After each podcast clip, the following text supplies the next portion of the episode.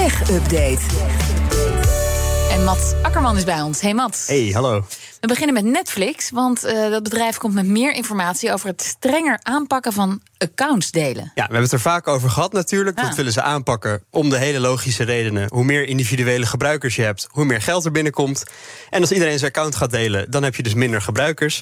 Echt een groot probleem voor Netflix, want ongeveer een derde van de Nederlandse gebruikers die deelt zo'n account, wat ze dus eigenlijk willen aanpakken. Nou, nu komen ze met nieuwe informatie over hoe ze binnenkort dat delen van wachtwoorden strenger willen gaan controleren. Daar starten ze mee aan het einde van dit kwartaal. Onderdeel van dat nieuwe beleid is dat er dan een toeslag komt van een paar euro per maand als anderen een account blijven gebruiken uit een ander huishouden. Over die hoogte daarvan is nog niks bekend. Maar in Latijns-Amerika zijn ze hier al mee bezig. En daar gaat het dan om 3 dollar per maand. Dus een kleine toeslag voor het delen van je account. Oké, maar dan hoef je dus niet alsnog een, een eigen account te openen.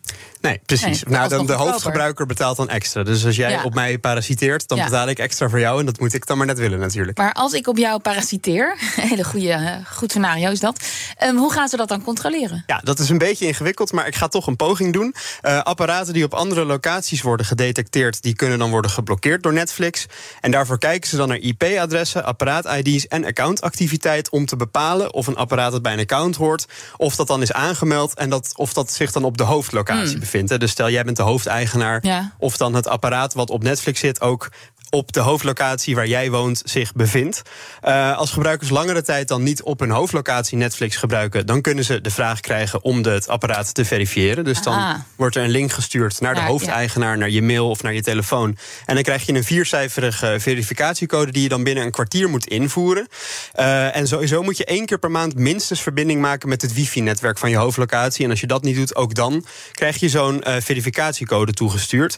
Dus wat betekent delen is dan nog steeds wel mogelijk zoals ik het interpreteer. Maar dat betekent wel dat als jij je account met Jan en Alleman deelt, dat jij om de haverklap een sms'je krijgt met een code van vier cijfers. Ja, daar word je gek van. Dan, ja, daar word je dan gek van. En dan is het idee natuurlijk dat, dat je dat misschien nog wel met één persoon wil doen, maar niet de hele buurt, zeg maar. Want dan uh, ja, ben je constant maar bezig met codes rondsturen. Naar wordt mensen. nog ingewikkeld voor studentenhuizen. Ja, precies. Dat wordt nog wel ingewikkeld. En als je dan toch deelt, wat ze dus zien aan die EP-adressen, dan kun je niet gelijk een hogere rekening verwachten. Dan sturen ze je eerst nog wel even netjes een bericht van: hey, dit moet je niet meer doen. Maar anders dan krijg je dus die toeslag van, hoe hoog we weten nog niet, maar van een paar euro. En er is een tech-primeurtje in de Tweede Kamer. Ja, want er is vandaag een motie ingediend in de Tweede Kamer. Nou, dat gebeurt er natuurlijk om de haarverklap. Maar dit is een motie die werd geschreven door ChatGPT. Je Ah. weet wel, die chatbot, dat programma dat met algoritmes allerlei dingen schrijft, werkstukken. Uh, nou ja, het kan dus van alles. En vandaag kwam D66-Kamerlid Hint Dekker Abdulaziz met een motie in het twee-minuten-debat digitalisering in het onderwijs. Dus het sloeg er ook mooi op aan, want Ja. daar speelt nu de vraag: gebruiken alle leerlingen dat niet om hun eh, werkstukken mee te schrijven? Ja. Nou, ze tweet er zelf over: het is parlementaire historie, zojuist een unieke motie ingediend.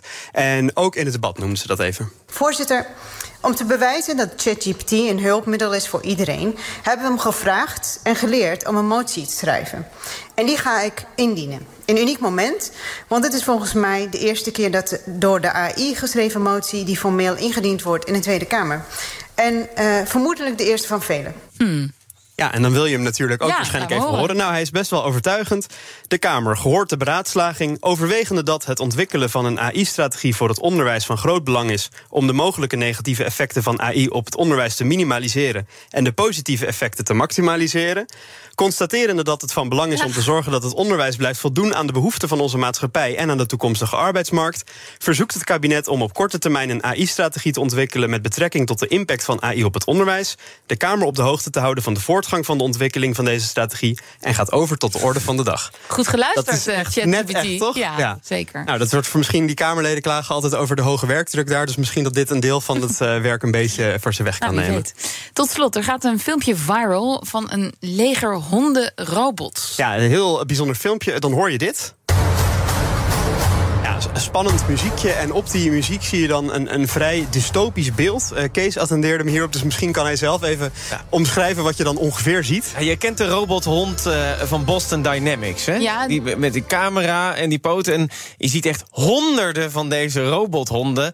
als een soort van leger eh, in, in samenwerking... precies dezelfde bewegingen doen. Compleet synchroon. Ze zijn ook aan het opdrukken volgens mij. En dan blijven ze opeens allemaal tegelijk plat liggen. Maar met deze muziek eronder, dan denk je echt... we gaan eh, binnenkort wonder. Aangevallen worden. Ah, ja. Nou, Ja. eh, heel dystopisch allemaal. Dat filmpje dat gaat nu viral. Het werd gedeeld door Russell Brand, eh, Britse komiek, ex van Katy Perry. Hij heeft 11 miljoen volgers, dus als hij iets deelt, dan gaat het al snel viral natuurlijk. Met de tekst daarbij: What are they preparing for? Alsof die robots de wereld gaan overnemen.